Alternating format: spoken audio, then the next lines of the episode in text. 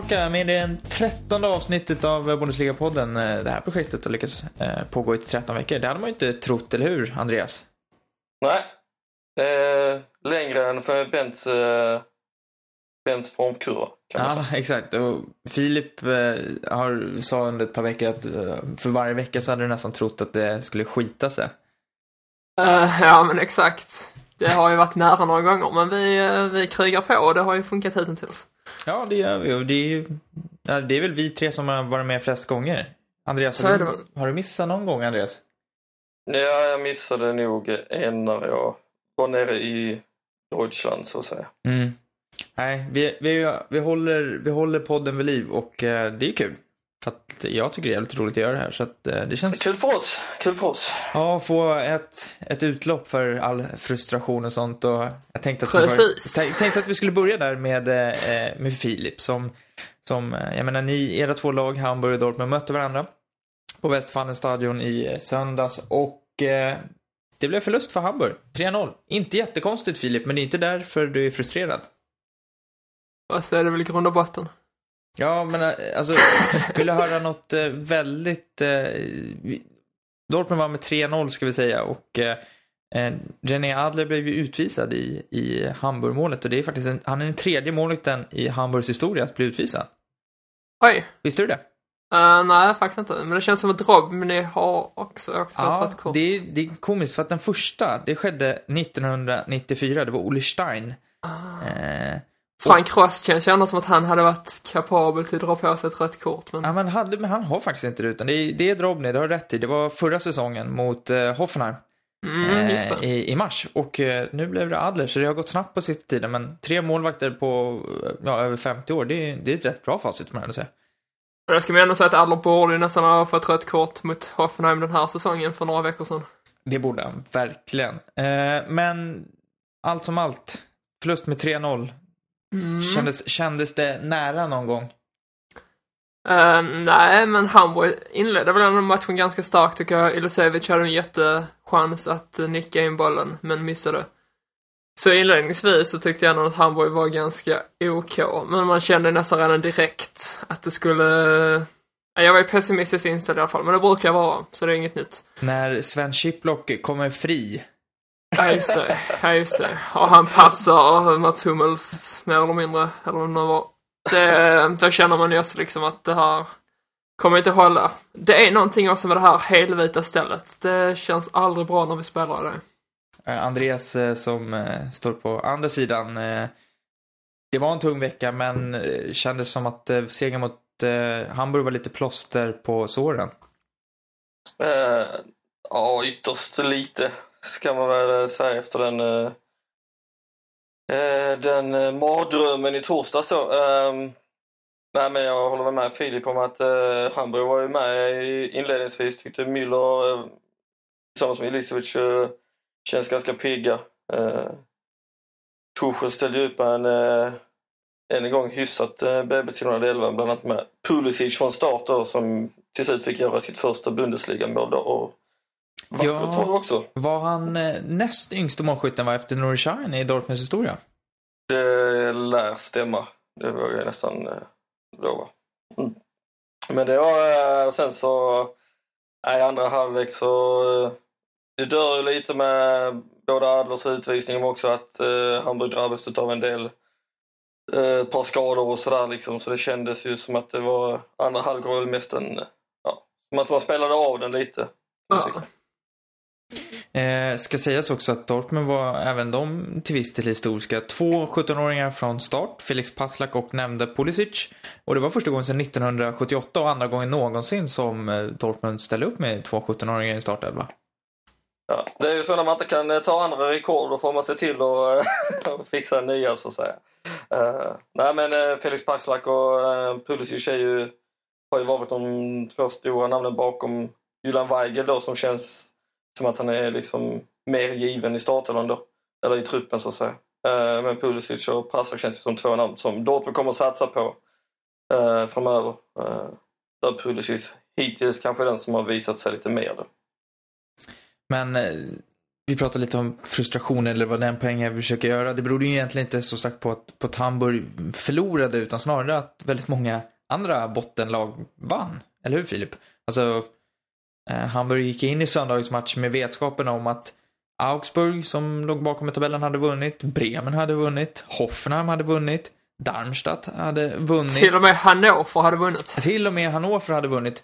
Eh, det var bara eh, Stuttgart och eh, det var något till gäng. Frankfurt. Och Frankfurt som inte lyckades ta poäng, men alla andra tog tre poäng. Och nu blev, och det blev genast mycket, mycket jämnare. Känns det som att, att liksom det, hur mycket liksom av ångest lade det till när den här förlusten skedde, trots att en förlust mot Dortmund egentligen på bortaplan är rätt väntad. Ja, men jag har ju sagt sen flera veckor tillbaka att, att en trepoängare till sen är kontraktet säkrat. Men vi, vi vill ju, verkar ju inte vilja få det lugn och ro nu i säsongslutet. Så istället med fyra omgångar kvar så, så känns den där jäkla kvalplatsen än en gång högaktuell.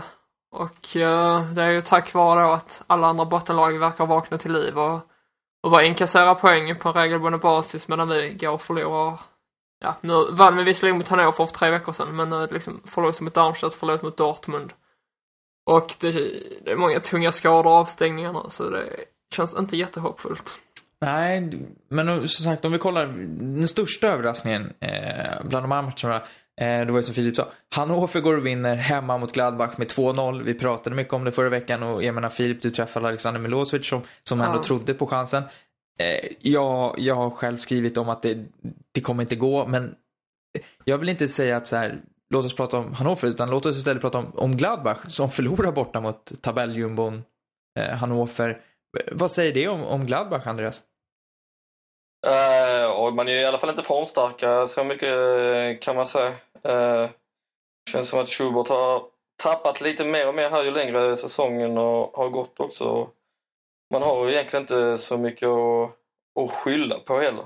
Utan uh, det visar på något sätt att uh, man går in i någon form av dålig svacka här mot slutet också som kan bli, stå Mönchengladbach ganska dyrt. Alltså nu är man ju för ett tag sedan pratade vi om att de kanske skulle nå Champions League-platser och sådär liksom. Och den chansen finns ju fortfarande men nu känns det som att risken att de missar Europa League är större. Eller att de åtminstone då hamnar på en sjunde plats då, vilket i och för sig kanske blir en Europaplats. Ja, spelschemat är ju, de har ju Hoffenheim som är just nu formstarka, de har Bayern München som, som är Bayern München, eh, Leverkusen som också är formstarka och sen Darmstadt eh, på bortaplan sista, de är ju svaga borta. Eh, blir tar de, hur många poäng till kan de ta, skulle du gissa utifrån det? Uh, ja, jag tror väl att de tar um, sex, sju, sju tippar. Sju poäng? Två, ja, men jag tror det. Jag oh. tror ändå att de kan... Eh, de måste ju rycka upp så här lite också. Eh, Darmstadt vinner dem, det är jag rätt övertygad om. Eh, sen slänger de in en annan seger och så blir det kryss mot, mot Hoffenheim kanske. Mm. Eh, Filip, eh, jag vill inte liksom, eller jo, jag vill ju alltid salta i dina sår lite men Eh, faktum är att Mönchengladbach på sina 17 senaste bortamatcher mot en tabell, en bot, eh, tabelljumbo så har de eh, bara vunnit en gång och det var mot, ja, Hamburg. Eh, säsongen 2011-2012. Eh, ja. Var va, Hamburg tabelljumbo 2011-2012? Jajamän, eh, sjätte matchdagen. Igor de Camargo. Och den gamla liraren alltså. Ja, ja sen är vi långt tillbaka i historien här känner jag. Ja, Irrelevant. Jag, har grävt, jag grävt i arkiven och eh, det ska också sägas att eh, Hannover vann med sitt eh, yngsta, sin yngsta startelva eh, de har haft sedan 1986. Eh, som, den låg i snittet låg bara på, liksom, det var på 24,5 år så det var inget häpnadsväckande så men de har bevisligen haft eh, mycket äldre lag under åren. Eh, Hannover som sagt vann mot ett eh, just nu rätt formsvagt eh, Gladbach. Och på tal om formsvaga lag, vet ni vilket lag som är formsvaget just nu sett till de fem senaste matcherna i Bundesliga? Hamburg. Nej. Um, Frankfurt. Nej, ni, men ni är nära. Frankfurt, Hamburg är på 15. Eh, Frankfurt 16, Stuttgart 17. Wolfsburg är just nu Oj, det just formsvagaste laget i Bundesliga och jag menar, det förstärktes bara av att man eh, förlorade mot Bremen i helgen med 3-2 ja, och... Eh, katastrof. Viktiga kliv för Bremen. Ja, alltså Bremen var ju rätt överlägsna ska vi säga den matchen och eh, Wolfsburg reducerade ju när det var 5-6 minuter kvar av matchen. Men betyder det här att liksom Bremen ändå griper de här sista halmstråna mot att undvika kvalplats? Eller vad, vad tror du om Bremens eh, vår, eller de sista fyra matcherna för deras del, Filip? Jag säger som så att den matchen som spelas på fredag mellan Hamburg och Bremen kommer ha väldigt stor betydelse för uh, vilket av de två lagen som som uh, eventuellt då kommer hamna på kvalplatsen. För det känns ju nästan som att det blir någon av de två just nu. Ja, um, alltså de har ju Hamburg som du säger, sen har de Stuttgart, Köln och Frankfurt, så det är inga, det är inga superlag de ställs emot. Nej. Det är ett rätt snällt spelschema om man ska vara helt ärlig. Ja, det ska de vara tacksamma för. Nej, men Bremen klarar väl sig kvar och det, även om, även om jag sympatiserar lite fint sådär med Hamburg så, så vill man ju ändå ha kvar Bremen i Bundesliga. De, de hör liksom hemma där. Så, men de hade ju gärna för, kunnat få, få komma på kvalplatsen. Mm. Så att vi slipper hamna där. Claudio Pizarro gjorde sitt 102 mål i Bremen-tröjan och är därmed eh, den som har gjort flest mål i Bremen genom alla tider. Han delade förut rekordet på 101 mål med Marco Bode. Eh, det var också, de har nu gjort över 1800 mål på hemmaplan i Bundesliga på, på 880 hemmamatcher. Oh. Det är påläst. Ja, nej, men det, och den siffran slås bara av eh, Bayern München. De har gjort eh, 2318 mål på 867 matcher. Och det här har jag räknat för hand, så jag har ju gått igenom statistiken. Va, ja, jag förstår det. Säsong för säsong, match för match. Nej, men spännande att se. Men Wolfsburg då, Andreas? Eh, vad är det här liksom? Vad, om vi säger så här, nästa, Wolfsburgs säsong är ju mer eller mindre körd. Eh, Klaus Allofs gick ut i veckan och sa att Häcken kommer troligtvis inte få lämna. Men vad ska Wolfsburg hitta på eh, Eh, till nästa säsong? För att det här är ju en missberäkning utan dess lika, För nu lär det inte bli Europa kommande säsong. Nej, det ska ju mycket till. Det krävs ju att något av lagen uppe på Europaplatserna där eh, förlorar åtminstone två, tre matcher här av de fyra som är kvar. Det känns ju inte så eh, troligt eh, kanske.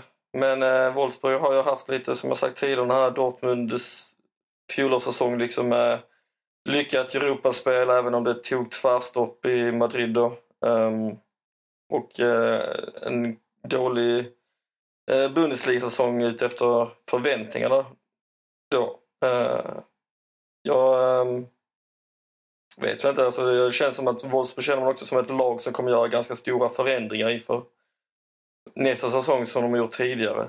De har ju en del riktigt bra spelare men också några som man känner att de gånger för gång kanske inte kommer upp i, i den nivån som krävs för att Wolfsburg ska på allvar liksom dras in i toppen med Bayern München och, och Dortmund.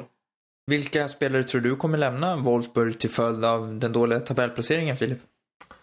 Uh, jag är inte så säker på att det är så många som kommer att lämna faktiskt. Utan uh, det är väl en kollektiv insats där man, eller ja, insats och insats, men en, dål, en kollektiv dålig insats från hela laget. Och där är ju ändå bra spelare i truppen, det går inte att förneka. Eh, det räcker med att man såg vad de åstadkom förra säsongen. Det är ju egentligen bara De Bruyne och Perisic som lämnade, eh, som, var betydande. Så jag tror väl snarare att man kommer att bygga vidare på det man har och eh, plocka in lite spetsspelare. Någon, någon ny anfallare behövs ju onekligen för Bastos och Niklas Bentner. Det går inte att gå runt på de två.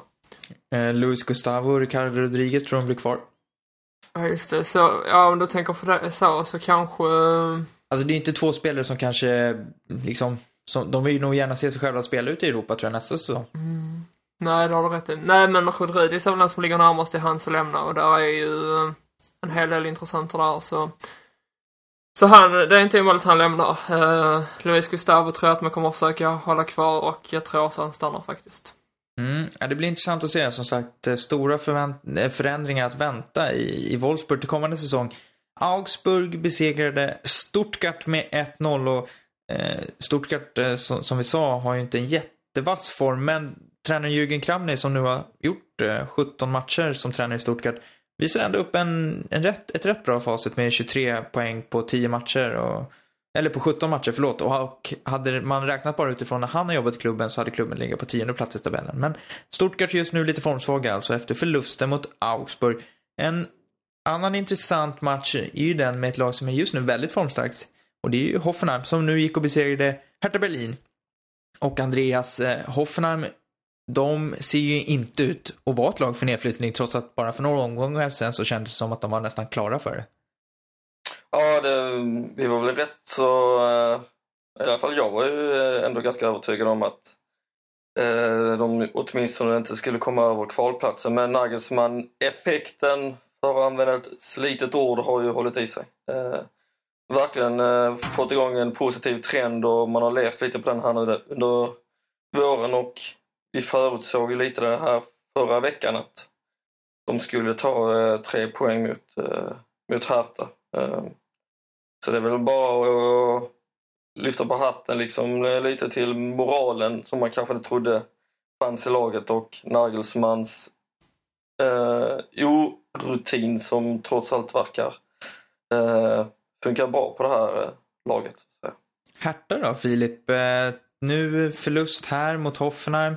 Eh, de förlorade väl även förra veckan om jag inte minns fel. Eh, Mm, eller en poäng, eller eh, En poäng mot Hannover. En poäng mot Hannover, exakt. Eh, och, Men de var illa ute länge. Ja, och första gången de, de eh, på riktigt, där de också tar ledningen i matchen och förlorar. Eh, De hade ledningen med 1-0 och får de 2-1. Mm. Är Hertha på väg att gå miste om den där Champions League-platsen som vi har tjatat om under, under de här 13 avsnitten? Uh, ja, nej men det gör de ju. Nu blev de omsprungna i tabellen av Leverkusen. Men sen handlar det mycket om lagen under. Schalke, Mainz och eh, Gladbach. Uh, det är tre lag liksom som, som blandar och ger. Nu förlorar ju samtliga denna förra omgången. Så, uh, så det handlar helt enkelt väldigt mycket om hur de alltså spelar. Men det känns ju onekligen som att Hertha Berlin befinner sig i någon form av formsvacka. Sen får man se hur långvarig den är. De har alltså kvar Bayern München på hemmaplan, Leverkusen på bortaplan, Darmstadt hemma och Mainz borta. Det är ju inte ett schema som osar många poäng. Nej, jag tror... Darmstadt hemma vill man ju inte ha alltså. Nej, precis. Ja, En Europaplats eh, lär de väl knipa. en avgörande det- bortamatch mot, mot Mainz i sista omgången också.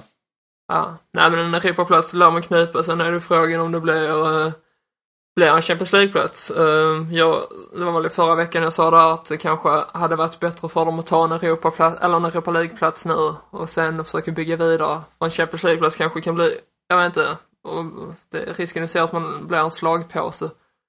Och vi har ju sett innan hur det har gått för lag som har uh, värderat Europaspel före ligaspelet när de har överraskat och, och tagit en Europaplats. Det känns som att Hertha är ett lag som skulle kunna råka ut för det också. Absolut. Eh, Hoffenheim, Hertha, Berlin. 2-1 alltså. I nykomlingsmötet mellan Darmstadt och Ingolstadt så, så vann Darmstadt för första gången i en tävlingsmatch mot Ingolstadt. 2-0 slutade den matchen. Eh, och Darmstadt eh, tog med de poängen ett jättekliv mot säkrat kontrakt. Eh, får man minst sagt säga. Eh, lördagskvällen avslutades med matchen mellan Bayern München och Schalke. Som Bayern vann med 3-0 efter att de dragit igång motorn i andra halvleken. Rätt tråkig första halvlek och sen så kom Robert Lewandowski, eh, hittade rätt och två mål och Bayern vinner med 3-0 och man får säga att det är rätt.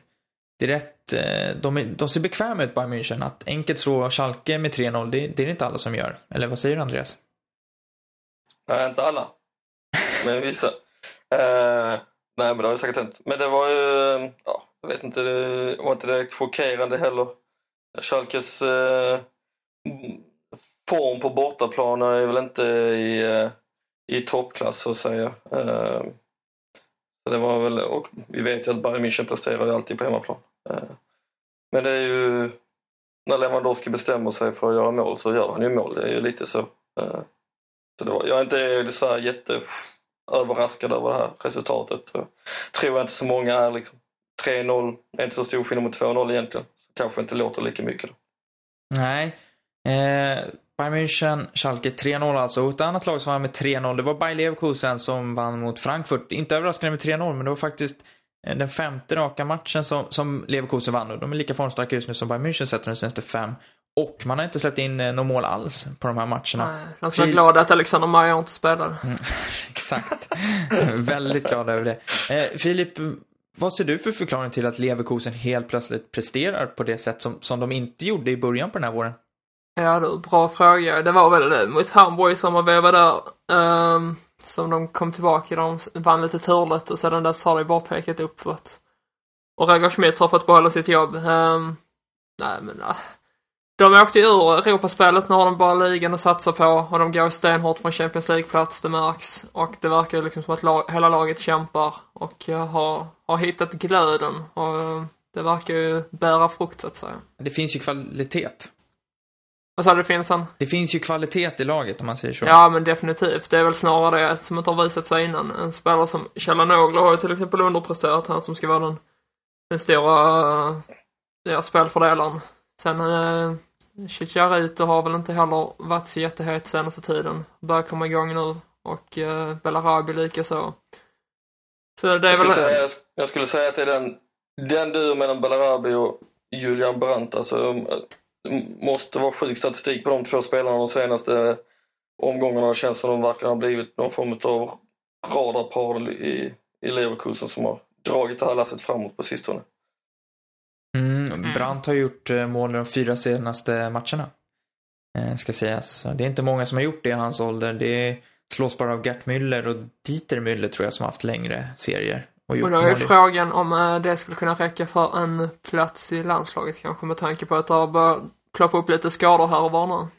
Ja, det ryktas ju, det är mycket snack om det där och det, ja, det är ju mycket skador men det, det verkar som att de är väldigt fasta vid, vid trupperna som ska åka till EM och som ska till eh, OS. Eh, att döma av det som skrivs i tysk media i alla fall, får jag intrycket av. Att eh, Horst Rubers där och eh, Jogge Löw har delat upp det rätt tydligt men ja, det, är inte omöjligt att Brandt skulle kunna eventuellt komma in i en trupp om man verkligen behöver på grund av skador. Ja, men man har ju Chan kanske riskerar att missa samma med Draxler och eh, Schweinsteiger ser inte ut att hinna tillfriskna. Chan är ju för fan inget tapp. Nej, men det är ju en, annan plats som ska, positivt. det är en annan plats som ska fyllas. Ja, det är sant. Men jag, har blivit lite förvånad över att folk, vissa ändå har uttryckt någon sorts liksom oro. Jag, jaha, känner jag. Vad har han tillfört i landslaget? Nej, men det är liksom? väl samma här. Men jag tänker mer på att det är som sagt en plats som ska fyllas. Och, och där borde ju liksom de här Max Meyer, Julian Brandt och de här vara aktuella. Även om nu inte Chan är, eh, är och konkurrerar på den samma position. Men det är däremot Draxler liksom och, och där är ju liksom Brandt eller Meyer en direkt ersättare till, till Draxler. Du, du nämnde väl fel Majer? Menar du inte Alexander? Ja, han ser ut att missa resten av säsongen tyvärr. Ja, det Man verkar kanske man kan spela i OS då. Ja, det hade ju varit någonting. Zlatan mot Meyer. Jag vet vem som hade vunnit den duellen. Ja. Vadå, ska de mötas på vid mittpunkten eller? Det är inte, inte så att de eh, är försvarare mot anfallare direkt. Nej, men Nej. på en hörna kanske. En defensiv Ja, hörna för ett av lagen. Eh, vi släpper den diskussionen. Kanske får vi se det i OS, vem vet? Det vore ju kul. Eh, inte så stor chans dock. Eh, helgen avslutades med matchen mellan Mainz och Köln, där Mainz hade ledningen med 2-0. Och sen vaknade Köln till liv och de vann med 3-2. Och man var lätt överraskad får man ju ändå säga, eller hur Andreas? Absolut, men med ett sånt mål som Risse smällde till det med där från ingenstans så vaknar väl vilken klubb som helst. Eh, tyckte, ja det såg ju verkligen uppgivet ut i Köln ett tag liksom men eh, Stöger han gjorde ett succébyte med byta in Osako och Djordjic när det var en halvtimme kvar och det blev ju ett eh, riktigt lyckat byte för det var ju efter det som, som, uh, som Köln kom igång på, på allvar faktiskt. Jag måste säga att jag gillade ju Modest 3-2 mål också. Klappa till Ja. på volley sådär Ja, rakt av. verkligen. Det var okej och på tiden på något sätt känns det som. Eh, jag är- ganska kul att jag ifrågasatte det förra podden när han senast hade gjort mål och sen smäller han till med det. Mm. Svar på tal så att säga. Ja, han lyssnar säkert på vår podd tror jag. Mm. Det tror jag definitivt. Det tror jag, def- han är säkert jättebra på svenska. Eh, det känner jag. Eller så har han en tolk som översätter i realtid. Eh, med dialekterna också. Ja, enkelt. Eh, vi lämnar därmed allsvenskan och eh, går över lite på det som faktiskt... Allsvenskan. Allsvenskan. Vilken besvikelse. Det var för att, jag, för att jag är så inställd på kvällens derby. Eh, vi lämnar därmed eh, Bundesliga och eh, går över på Europamatcherna. Och det har ju varit några i veckan. Och vi kan väl börja med den som spelades på tisdagen mellan Real Madrid och Wolfsburg. Och tyvärr så, Filip pratade inför den matchen om att eh, det är viktigt att hålla nollan första kvarten. Och precis innan det slog på 15.00 så slog ju Cristiano Ronaldo till med 1-0. Och eh, det var Ronaldo mot Wolfsburg. Ja, och det var det som låg grunden till hela fiaskot där. Det var den där kvarten. Hade de bara hållit ut de där sekunderna så hade det slutat annorlunda. Det är jag säker på. Ja, Ronaldo stod för tre mål och eh, i efterhand kan man ändå säga att det, rättvist eller inte, men Wolfsburg var total, de var otroligt tama. Ja. Nej, men jag sa ju att jag trodde det skulle bli straffar. Det hade det mycket väl kunnat bli, men eh, det är som du säger. Sen är det så här, första målet Real gör, det kommer till på en turlig situation och sen efter det så så är det väl mer, de där målen mer välförtjänta, om man ska säga. Eh, men nej, men Real Madrid var det bättre laget. Eller rättare sagt Cristiano Ronaldo var den bättre spelaren. Och eh, han var ju helt klart skillnaden. Ja, för alltså ett Wolfsburg som hade varit hyfsat i form hade inte förlorat med 3-0 mot det här Real Madrid. Nej, det tror jag definitivt inte. Och då får man säga, Andreas, han hade ju rätt. Även om det inte blev 5-0 så klappar de ju ändå ihop. Det hade blivit 5-0 om de bara hade velat alltså. Det tror jag. Mm. Ja, lite så. Eh, på, det, ja, och det ska vi säga. Det betyder att Wolfsburg, där, deras Champions League-äventyr, därmed är över för den här gången och det blev ju kvartsfinal, vilket ändå får ses som ett, vi får väl ändå bedöma det som, som positivt. Det var väl Definitivt. mer än förväntat. Definitivt. Absolut. Eh, Kvartsfinal och en halv så att säga, för de uh, vann ju den ena, mm, ena matchen. Sådär barackar i Hamburg. De hade, ja, de hade en fot i semifinalen under en vecka. Ja, det är bra, det är bra. De städar upp efter mig. Mm. Eh, Bayern München eh, såg vi på onsdagen. De trocklades vidare borta mot Benfica med 2-2, men det kändes inte helt säkert under hela matchen, trots att det egentligen siffermässigt var det. Eller vad säger du, Andreas? Eh, absolut. Um, det var ju som väntat en tuff bortamatch och det är inte alltid enkelt att kliva in i Lissabon och eh, med det publiktrycket i ryggen som var där och man får väl säga att Benfica lite chockade Bayern där med sitt 1-0 mål. Men eh, sen är det väl, eh, ja, som detta Bayern då, de fick en chans att samla sig liksom och det kändes väl ändå, ja, som att när de väl hade satt igång liksom med att målproduktionen som att de skulle reda ut detta. Eh, alltså man bjuder ju på 1-0. Man har ja, Neuers flygtur. Ja, den, eh, men eh, en av många som Neuer har stått för genom karriären men som många blundar för. Ja, men det, uh, det, alltså grejen är att det ser ju ut lite som att han inser halvvägs in i det att shit. Ja, det är inte första gången. Nej, och att och, han då medvetet... Och, och är det inte i luften så är det på marken. Nej, alltså det... men så medvetet kastar sig åt sidan för att inte ådra sig en skada. Mm. Jag tror att det var taktiskt, att det, det ser liksom att det är medvetet att han faktiskt flyger så som han gör istället. Han missbedömer inte utan han väljer. För att han inser att ja. det här kommer inte gå. Men man väljer väl inte att släppa in ett mål liksom. Nej, men jag tror att han... Nej, det kanske är sant i och för sig. men, men uh, i alla fall sen så... Uh, ja. Det var ju snack, snack om, uh, om att man ställde Lewandowski utanför på grund av för att överraska Benfica och då fick Pep en beröm för den tanken men tydligen så var det ju någon som jag förstod någon bilolycka som låg bakom ja, det där. Men stämmer. det har funnits lite oklart vilket det egentligen var som gällde. Men, äh, bilolyckan blev bekräftad av hans agenter. Sen om det egentligen var anledningen till att han blev petad ur startelvan, det är en annan femma. Petad och petad. Vilad, tror jag. Känns ju som att han... Ja, jag vet inte. Känns som att om Lewandowski skulle vilja spela. Eller om det var ett taktiskt drag helt enkelt av Pep, liksom att eh, köra med Müller och centralt liksom. Eh, Vidals, eh, Vidals 1-1 mål. Får man ju gilla däremot. Vidal gör ofta snygga mål. Ja, men, så det får man gilla. Helt öppet och bara dunkar in den. Eh, lottningen skedde sen på fredagen och eh, det blir dubbelmöte mot Atletico Madrid och börjar på bortaplan. Tuffaste möjliga lottning säger jag. Vad säger du Filip?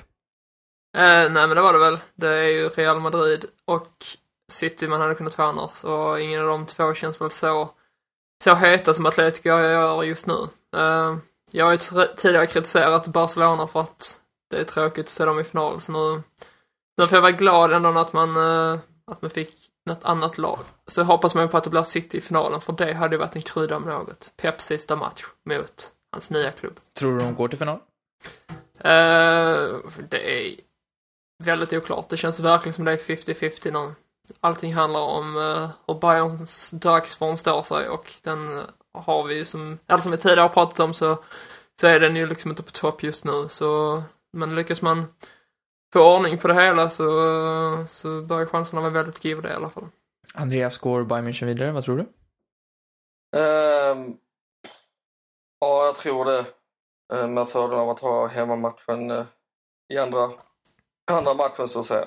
Uh, Det, är väl det, det var det som kändes som att det avgjorde mötet med Barcelona och eh, jag tror att Bayern München är tillräckligt starka hemma och eventuellt rädda om de skulle åka på någon 1 eller 2-0 förlust i, i Madrid så att säga. Från Bayern Münchens eh, semifinal till ett lag som inte kommer att spela semifinal och det är ju Borussia Dortmund som, ja, de åkte ut. Otroligt nog får man ändå säga Andreas, mot Liverpool. I... Ja, alltså Ja. jag var ju lite rädd för det inför matchen men eh, kan säga att jag var säker både en och två, kanske tre gånger på att det var klart under den här matchen. Um, men det har man ju själv eh, upplevt att man eh, aldrig liksom ska ta någonting för givet. Och, ja. Det är pinsamt. Ja, alltså det är det ju. Men det är ju också... Jag vet inte, jag tyckte det bara var... Eh... Efter 2-0 målet så parkerar ju Tuchel eh, bussen. Han bara drar ner hela laget liksom. Och när man har spelare som Kagawa och Castro centralt liksom så går det inte att eh, eh, liksom, ställa sig så defensivt. Liksom. Då får man i så fall göra ett byte, liksom, sätta in antingen Bender eller Shahin som, som är betydligt defensivt starkare. Och sen så mm, i, i andra halvlek där ju så rullar det ju igång på allvar liksom för, eh, för Liverpool och de hade ju det är lite ungefär som på Westfalenstadion där när hemmalaget har den där publiken i ryggen liksom så blir de svåra att, att stoppa och nej, jag vet inte. Det ska inte hända någon. Ja, men jag har sett Dortmund vända eh, 1-2 eller 0-2 till 3-2 på nej 1-2 till 3-2 på övertid mot Malaga på tilläggstid. Ja, Vem hade man som tränare då? Ja, precis. Det var lite det jag skulle komma till också. Att eh, Jürgen Klopp han är ju, visar ju här på något sätt eh, sin, sin betydligt mer Europa-rutin än Tuchel. Det är inte första gången jag tycker att Tuchel har agerat annorlunda, eller märkligt i, i Europaspelet den här säsongen. Och, eh, ja, det är extremt eh, tråkigt, men vad fan. Det är ändå bara Europa League, så det var inte så viktigt. Jag undrar vem som var mest arg av dig och mig. Vad sa du? Jag undrar vem som var mest arg av dig och mig. Jag hör fan inte vad du säger. Jag frågade om Vem som var mest argast av er två? precis. I den här matchen? Det, Ja. det Vid var ju- 2-0 så började jag skriva en, eh, en längre text och klippte ihop en jättefin bild i Photoshop och sen så, och då stod det 2-0. Och sen så helt plötsligt så stod det 3-3 och sen helt plötsligt stod det 4-3. Det, det är lustigt på något sätt för jag satt hemma och kollade och vid, vid 3-1 så hade jag någonstans en känsla av att det här jäkla skiten, det är inte stängt. Och jag, jag supportar ju alltid tyska lag ute i Europa och när de möter varandra så kanske man väljer ett av dem. Men det är klart man håller på Dortmund i det här läget. Men det, hela tiden hade jag en otäck känsla av att det här känns inte bra liksom. Nej, men jag liksom tycker det också besannat. 83 minuten liksom och eh, Liverpool är på gång och eh, Torsjö väljer att sätta in Ramos mot Royce. Liksom. Vi måste göra allt för att försvara oss. Liksom. Vi har än en gång liksom lämnar de defensivt starka spelarna på bänken.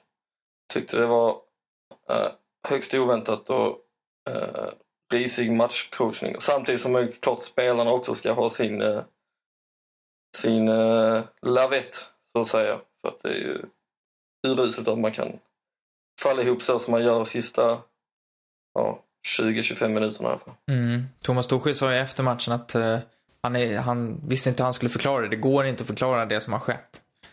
Det är därför jag gör det nu. Ja, exakt. Nej. Eh, Tuchel gjorde ju det som Pep Guardiola aldrig hade gjort, det vill säga att gå ifrån sin, sin idé, sin tanke om hur man ska spela fotboll. Eh, Guardiola ändrar ju aldrig mer eller mindre. Han har en plan A och köper den och Tuchel försökte, precis som du säger, backa hem och det gick ju minst sagt åt fanders. Eh, så Dortmunds eh, ja, stora chans att vinna Europa League för första gången i historien, den, den försvann. Eh, Abur, abrupt, får man verkligen säga. Eh, så att eh, inget mer Europaspel, det är bara Bayern kvar ute i Europa.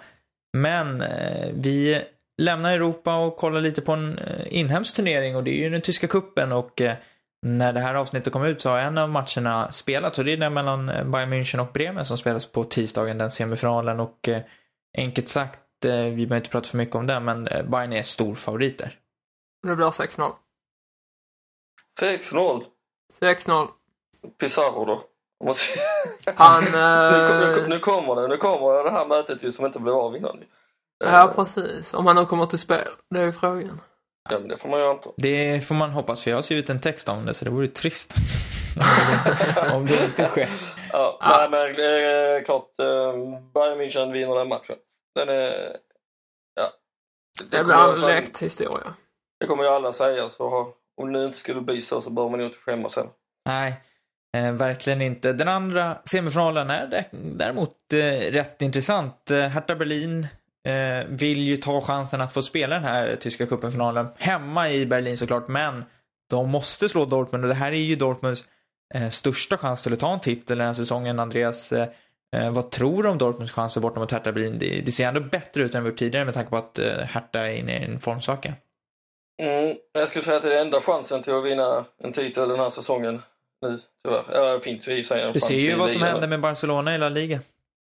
Ja, jo. Men... Det kommer ju inte ske. Det är ju över. Det är över i både botten och Eh, toppen. Nej, men jag... ehm, Det var nu är det ju så att Aubameyang, han är ju kom ju här i eftermiddags då att han missar matchen på onsdag då. Han fick ju en kvart mot eh, Hamburg i, i söndags, vilket eh, kanske kostade hans eh, möjlighet att spela den här matchen. Um, och det gör ju att eh, vi kommer få se Ramos då mot sitt gamla lag här på, på Olympiastadion. Jag är inte... Alltså efter eh, förra torsdagen så vågar man knappt hoppas på någonting längre. Liksom. Det känns som det kan sluta hur som helst. Ehm, men det är klart att jag ser Dortmund som, som favorit i den här matchen, inte minst med tanke på den formen Hertha eh, kommer in med. Så, eh, vi får väl, eh, jag skulle jag få tippa så tror jag såklart både med hjärta och hjärna att Dortmund spelar final. Filip? Ja, det blir en tråkig final. Det blir Bayern München Dortmund. Ja, Tysk, men Tysklands två fem- bästa två. lag. 5-2 minns jag i cupfinalen. Det Ja, var en bra, det var en bra final. Osannolik match. Känns inte som att Dortmund har det mentala övergreppet längre att de skulle kunna besegra Bayern med, med 5-2. Men eh, man vet aldrig. Eh, nej. Det är ju det. Så är det ju. Man vet aldrig. nej, vi får se hur vi summerar upp det här nästa vecka. Alltså, världen har ju omtumlats efter Dortmunds förlust mot Liverpool. Man vet aldrig någonting längre eh, Nej. kring tyska fotbollslag. Eh, till helgen så har vi ett gäng matcher som alltid. Eh, jag förstår inte varför jag säger det, alla vet ju att det är Jag skulle en ny gissa att det är omgång. nio Eh, stycken. Och jag skulle gissa att det är nio matcher. Det börjar på fredag 20.30 och avslutas på söndag 17.30. Ja, rätt, det är rätt sant den här helgen också. Eh, Och Filip, du ser ju självklart fram emot eh, ett högintressant derby på fredag kväll 20.30. Hamburg-Bremen. Tror att Bremen-supportrarna ändå tycker att det är lite okej för de hinner till Hamburg för avståndet är så pass kort. Men jag tror de hellre hade sett en, en lördagsmatch där för att eh, restiden. Det är svårt att sticka från jobbet tidigt på fredag och sen Det är en märklig dag att lägga ett derby på oavsett vilket i Hamburg. En fredag, det är helg framför, det är sent. Folk kommer vara fulla, det kommer vara bråk, det kommer vara stökigt. Mm. Ska du vara där själv? Ja, absolut, ingen tvekan om Och- saken. Och eh, hur mycket ångest har du inför den här matchen? Jättemycket. Mm, jag menar, det är ju tre poäng ner till Bremen på kvalplats och ja, Mm. Bremen Ja, kan ju inte passera oavsett, de har ju för dålig målskillnad om de inte vinner med över fem mål och det tror jag inte. Men eh, Nej. Men jag sa det att denna matchen kommer ju vara väldigt avgörande för hur det kommer sluta. En vinst för Hamburg och jag säger återigen att 37 poäng ska räcka för att klara sig kvar, så jag tror ju det i detta fallet också. Men, eh, men Hamburg de gillar ju att, att leva farligt så förmodligen blir det väl ett kryss, att man känner den här lilla hoppfullheten inför de tre avslutande matcherna, men samtidigt har man kvar ångesten. mm, Andreas, vad tror du om Hamburg-Bremen? Um, ja... Fan, ingen aning. Nej, men eh, Werder Bremen eh, vinner väl den matchen, tror jag. Så, så att uh, Filip får uh, svettas lite till. Uh, känns som att de är på gång. Samtidigt så har de ju då här cupmatchen ikväll, tänker på. Uh, inför det här. Men uh, oavsett så känns det som att de uh, kommer in lite vassare än Hamburg i den här matchen. Ja, det blir eh, intressant Men det är, det är ju en klassisk rubrik, alltså det här med desperata nordderby mellan Hamburg och Bremen. Det känns ju som att det Den är uttjatad nu. äh, hör, till, hör till varje Bundesliga-säsong. Liksom. Det är ju en superb allitteration till, till en titel, Desperata derbyt. Så är det. Men man ska komma ihåg nu också att Adler är avstängd till exempel, som har varit Hamburgs bästa spelare. Ah, jo, men Drobny är ju inte dålig. Nej, absolut inte. Men han har inte spelat match på länge och det är ju, man vet ju liksom inte var han står. Och Adler är ju ändå en... Han, står i mål. Det är ju... det är kul det är. Men Adler han har ändå ingjutit en form av trygghet känner jag som, eh, som har varit väldigt viktig den här säsongen. Sen är det ju desto tuffare där med till exempel Ekdal, Müller och Lasog är ju inte något tapp kan jag inte säga. Men Müller och Ekdal är definitivt tapp om de inte kommer till spel. Mm. Däremot så är Aaron, Aaron Hunt ute och tillbaka så jag hoppas att han kan panga in en och annan boll mot sina gamla arbetsgivare. Ja, det blir som sagt intressant att se. Fredag 20.30, om jag skulle välja en match i helgen att se så skulle jag nog välja den faktiskt. Om man, Instämmer. eh, det, det finns mycket i den matchen. Fast det är en på söndag i och för sig. Vad sa du? Jag sa det är en match på söndag i och för sig, men vi kommer till den sen. Ja, absolut. Eh, det gör vi ju. Eh, på lördag så är det ju burgarderby. Wolfsburg mot Augsburg och ja, det är inte jättekul. Vilka tror du på, Andreas? Uh, jag tror Wolfsburg samlar sig och vinner den här matchen. De är ett starkare lag. Uh, även om Augsburg har lite mer att spela för då med uh, bortalagen i ryggen då så att säga. Ehm, men Wolfsburg måste ju verkligen ta sista halmstrået här om det ska bli uh, Europaspel nästa säsong. Uh, det vore ju en enorm Uh, Ja, ett fiasko skulle man nog kunna säga om det inte blev så att de lyckades ta sig ut på en Europaplats. Mm. Hertha mot Bayern München, Filip. Eh, det är ju svårt att säga om kanske med tanke på att Hertha nu spelar på, på onsdagen här mot, mot Dortmund i, i kuppen. Men eh, Bayern München någonstans favoriter brukar vara rätt målsnålt i det här mötet i Berlin. Ja, det brukar det. Men eh, jag säger nog 1-1 någon faktiskt. Jag tror att Hertha Berlin vaknar till liv nu och kniper en pinne mot ett München som har lite annat i tankarna än eh, ligan som redan är avgjord. Mm. Köln-Darmstadt, Andreas. Eh, det är inte två publikfriande lag det där, men eh, vad eh, tror du eh, kring den matchen? Ehm, Ja, med Köln då så kan man väl eh, säga liksom att eh, den vändningen de gjorde i söndags lär ju säkert ha fått dem tillbaka på rätt spår lite efter en rätt tung period. Uh, samtidigt så vet vi att Darmstadt är starka borta, vilket man gärna tjatar om, men nu tror jag att Köln kommer att definitivt säkra sitt kontrakt här. Mm. Ingolstadt-Hannover, Filip. En riktig, en riktig höjda match. Ja, Ja, svårt att säga att eh, Hannover ska eh, plocka poäng mot Ingolstadt, eller? Är deras nya, nyvunna form till deras hjälp? ja det känns ju som att en ny, alltså en förlust för, för Hannover nu när som helst, då är det ju verkligen kört. Sen har man ju, man har ju Bayern eh, kvar till exempel. Så, så det kommer ju bli oerhört tufft. Jag hoppas ju för Milosevic skull att de eh, vinner. Det vore ju häftigt. Samtidigt som jag är livrädd för att Hannover nu ska få någon, något form av uppvaknande och kliva om allt och alla i tabellen. Ehm, Men alltså det räcker ju De kan det, ändå räcker ju att Bremen tar, eh, vad blir det? tre poäng. Ja, och Stuttgart och Augsburg tar varsitt. Nej, inte ens det, för de har så dålig... Ja. Nej, men Hannover är ju redan ute. Det, det har vi sagt tidigare. Men eh, nej, men mot Ingolstadt lär man väl inte ha så mycket att hämta. Dock tror jag inte att det blir någon övertygande seger för Ingolstadt. Men eh, nog blir det tre poäng alltid. Mm. Och eh, så har vi ju Stuttgart-Dortmund där, Andreas. Eh, Stuttgart som är i en formsvacka och Dortmund som egentligen inte har så mycket att spela om längre. Sa ju nyss att de var, hade chans att ta tid. Ja, jag vet, jag vet, men det, det säger man ju. Det ska man ju sälja in. Det är reklammässigt.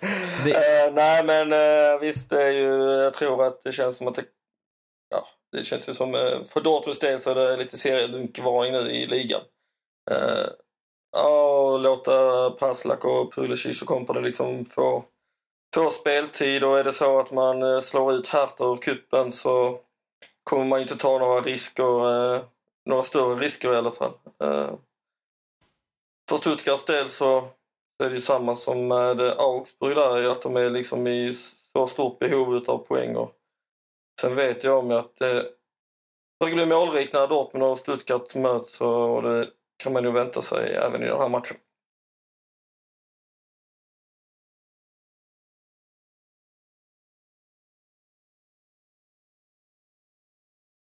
avsluta snyggt liksom. Hur vet du att han inte han ska vara kvar? Ja, men det finns ju mycket rykten såklart i omlopp. Uh, nej, det tror jag inte. Uh, det skulle ju, känns ju oväntat eller ovanligt att göra sådär liksom att man redan innan säsongen är slut börjar plocka bort spelare det om det skulle komma någon officiell bekräftelse och sådär. Då är det kanske mer, uh, mer väntat. Men ännu är det mycket som ligger på bordet här. Och, samtidigt har ju Gündogan och andra spelare EM och Tror Spelar du för att liksom, eh, att, kommer eh, att eh, Jogi börja rotera och ta bort spelare som han börjar bli medveten om inte till kommer att få fem nästa säsong? Typ Gündogan. fyra matcher på bänken så att säga. Um, jag tror inte att det Nej, liksom men egentligen mycket tyder ju på det. Alltså, förstår du? Nej, vi har sett hur det kan se ut när han inte har spelat fotboll på ett tag. Ja, det, det, det, det, det var ju lite längre än fyra veckor då i och för sig, men eh, jag förstår vad ni menar.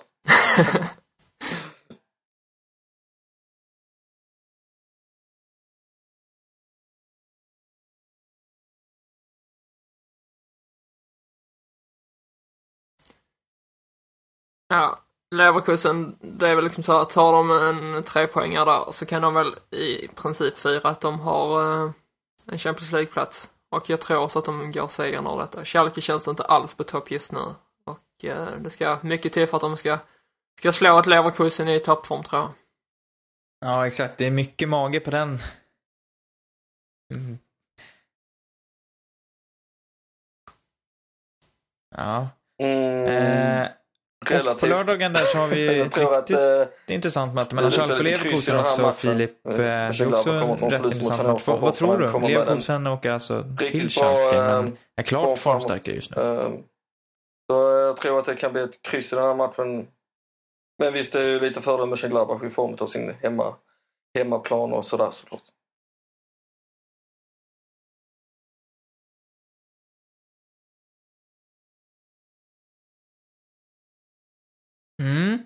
På söndagen så bjuds vi på två matcher. Vi har Gladbach mot Hoffenheim. Andreas, Ja, eh, ska Gladbach fortsätta för och Frankfurt vara hysteriskt bra på Nej, inte direkt va.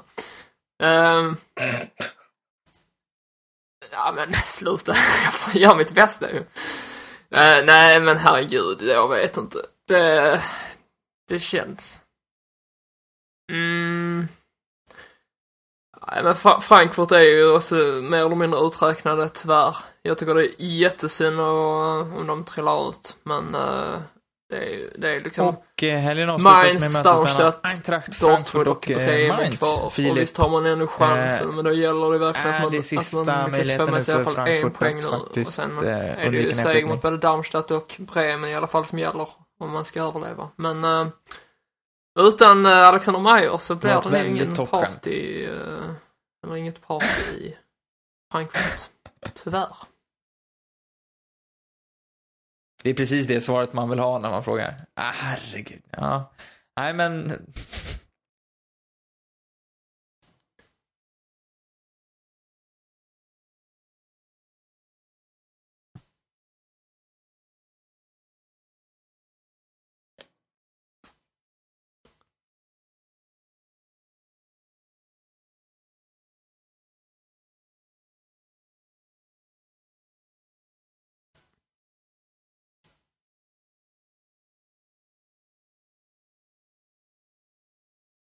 Det är sånt som piggar upp. Nej. Eh, Det ser ut som att Frankfurt blir det lag som följer med Hannover ut. Men som sagt, det sker ju tokiga saker inom den tyska fotbollen, så man vet aldrig. Eh, Jag tänkte bara säga en sak innan vi lämnar våra lyssnare och det är att Bremen, jag tror att det var till och med på tisdagen då, gjorde klart med att de kommer värva Justin Eilers från Dynamo Dresden. Eh, En 27-årig, snart 28-årig anfallare som, som har gjort Skytteligan är 20 mål på 34 matcher i Zweite Bund, nej, Dritte Liga menar Ja. Dresden gick ju upp i helgen för att det finns fantastiska scener från eh, firandet där.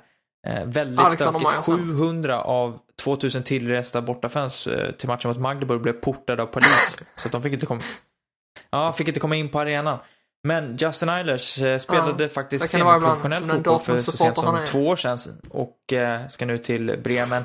Och anledningen till att jag säger det är för att eh, YouTube honom, för han har gjort ett par riktigt snygga mål den här säsongen som, som är väl värda att se. Det blir kul att se om Mm. han kan Ja, tillföra något.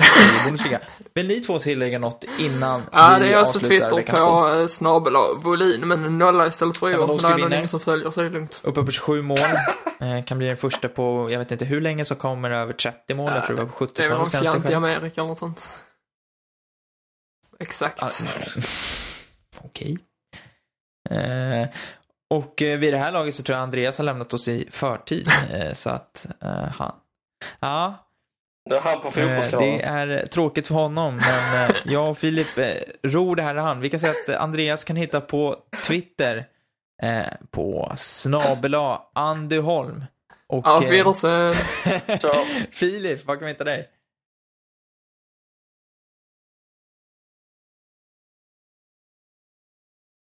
Vem, vem har riktiga volin utan nollan? Vet du det? Vad är det för människa? Ah, Wallin. Uh, ja, och mig hittar ni på snabla AT Nilsson och Adam Nilsson är det säkert någon annan fjant i Sverige som har. Uh, det, vi har kollat upp det. Fan, jag, Nej. Nej, om det ändå vore så. Eh, vi tackar för den här veckan och så hörs vi nästa vecka igen. Ciao!